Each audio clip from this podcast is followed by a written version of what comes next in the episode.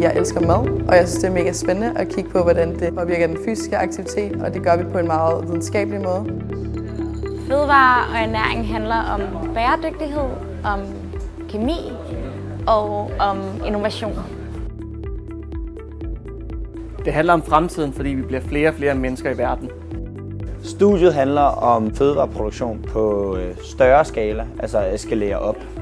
Det vi lærer her er en videnskabelig og forskningsbaseret tilgang til mad. På uddannelsen i fødevare og ernæring arbejder vi meget med de naturvidenskabelige aspekter af fødevare. Det vil sige, at vi skal forstå, hvad det er for noget fysik, kemi, matematik, der ligger bag det her. Vi skal selvfølgelig også forstå, hvad en fødevare er, men det drejer sig om, at vi skal kende de her øh, grunddele, og så kan man bagefter forstå, hvordan man kan ændre på dem, og også hvad der sker, når man så spiser de her, og de for eksempel bliver nedbrudt i vores krop. I dag har vi øh, fødevarekemi, hvor at vi blandt andet er ved at smelte noget chokolade, så vi kan få lov at undersøge, hvad er forskellen på tempereret og utempereret chokolade, og se, hvordan der ligesom har en indvirkning på øh, blandt andet hårdheden, men også hvordan de holder sig. Det er lidt interessant, at... Den har den der hvide her. Ja, Undervisningen foregår primært gennem forelæsninger, efterfulgt af opgavetimer, hvor vi løser en hel masse opgaver, der minder om eksamensopgaverne, så vi lærer de ting, vi har fået til forelæsning rigtig godt. Og I og I, altså du ved, den der bliver ligesom delt op. PFZ. På studiet der arbejder vi meget i grupper, og det synes jeg er fedt, fordi så har man altid nogle sparringspartnere. I dag der har vi sommergrill. Det er rigtig sjovt, fordi der er vi sammen med vores professorer, så vi lærer dem at kende socialt, så det ikke kun er i undervisningssammenhæng. Vi gør meget for det der med, at de studerende også føler, at, øh, at vi, vi er fælles om det her. Det sociale her på studiet er rigtig godt, synes jeg. Hvis der er noget, man lige har brug for hjælp til, så spørger man bare nogen. Vi har rigtig mange arrangementer, og så har vi også øh, noget, der hedder gastronomisk legestue, hvor vi kan komme ind og øve os i at lave en hel masse forskellige madretter, og det synes jeg er rigtig fedt.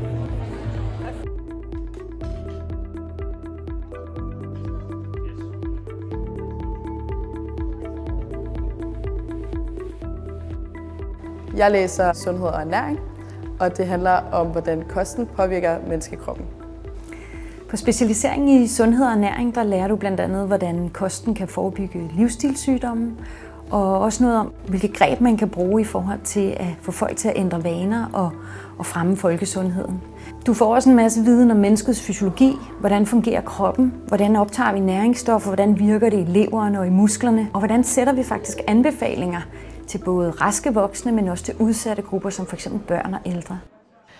Når vi har øh, sensorisk kursus, så finder vi ud af, at smag faktisk ikke bare er smag, men at det er en videnskab. Det handler også om, hvordan maden ser ud, hvordan det dufter og hvordan det føles i munden. Hvis du fortsætter og læser videre på kandidatuddannelsen i human ernæring, så åbner det mulighed for en lang række jobs inden for kliniske forsøg, medicinalbranchen og selvfølgelig ernæringsverdenen. Jeg læser specialiseringen fødevareingeniør, hvor vi er i laboratoriet øh, mange gange øh, per kursus, og hvor det ligesom er rigtig fedt, at vi får omsat noget af det her teori til, til praksis, og vi får lov at se nogle af de principper, vi, vi arbejder med til forelæsningerne. Når man læser til fødevareingeniør, lærer man rigtig meget om, hvordan produktionen af fødevarer foregår ude på fabrikkerne, og hvilke problematikker der kan opstå, men også hvordan man lærer at optimere fødevarer, så de bliver bedre og sikrere og mere bæredygtige. Rigtig mange af dem, der har taget teknologidelen af den her uddannelse, ender i enten en R&D-job, altså med øh, udvikling af nye fødevarer, eller i kvalitetsstyring af eksisterende produkter. Jeg er selv det, der hedder fødevare-mikrobiolog, Det vil sige, at jeg arbejder med bakterier og gær. Så det er sådan noget med, hvordan kan man få en organisme til at få en plantebaseret fødevare til at smage bedre, eller hvordan kan man få en øl til at blive mere lavalkoholisk. Eller hvordan undgår vi madspild ved at behandle vores fødevarer, så vi ikke skal kassere dem, hver gang der står øh, over holdbarhedsdato. I vores enhed arbejder vi med de officielle kostråd, at få dem ud at leve og få danskerne til at ændre kostvaner, så det bliver sundere for både dem selv og planeten. Og det er virkelig noget af det, jeg synes, der er rigtig meningsfuldt, at være med til at gøre en forskel, der taler ind i nogle større dagsordner. For fødevareforbruget har et virkelig stort aftryk på klima og bæredygtighed, og vi ser også en stigende forekomst af overvægt og livsstilssygdomme. Jeg er i dag til et arrangement, der hedder Planteløftet, hvor flere hundrede madprofessionelle er samlet. De er her for at få inspiration til at få flere planter ind i øh, de måltider, de serverer ude i offentlige og private køkkener.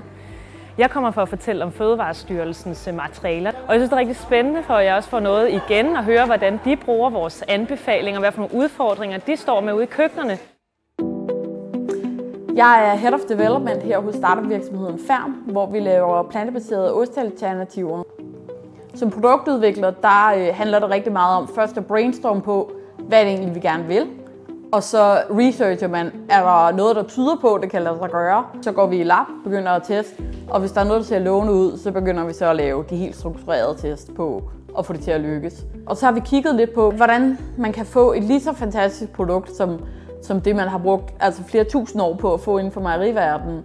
Og der har vi besluttet os for, at vi skal bruge den viden og de skills, der har udviklet sig for mejeri, og så skal vi bare skræddersy dem, så de passer til planter. Men man skal ikke være øh, så bange for startups. Man skal virkelig se alle de muligheder, man får for at arbejde rigtig bredt inden for sit område. Til alle de ting, man kan få lov til at være den første, der gør, det er en helt vild oplevelse. Hvis du gerne vil være fødevareingeniør, så skal du i praktik i et halvt år. Og jeg har valgt at være i mejeripraktik, hvor den første del foregår på mejeriskole i Odense. Så har jeg også været på et ostemejeri, og til sidst har jeg haft mulighed for at være hos Novozymes, hvor jeg skal prøve at løse et problem, der er i produktionen med oprensning af enzymer. Når jeg er færdig med min uddannelse, vil jeg virkelig gerne arbejde med præcisionsfermentering. Jeg vil gerne øh, arbejde med forskning for at finde ud af, om man kan bruge mad som medicin. Jeg vil gerne arbejde med klinisk ernæring for psykisk og fysisk udviklingshemmede.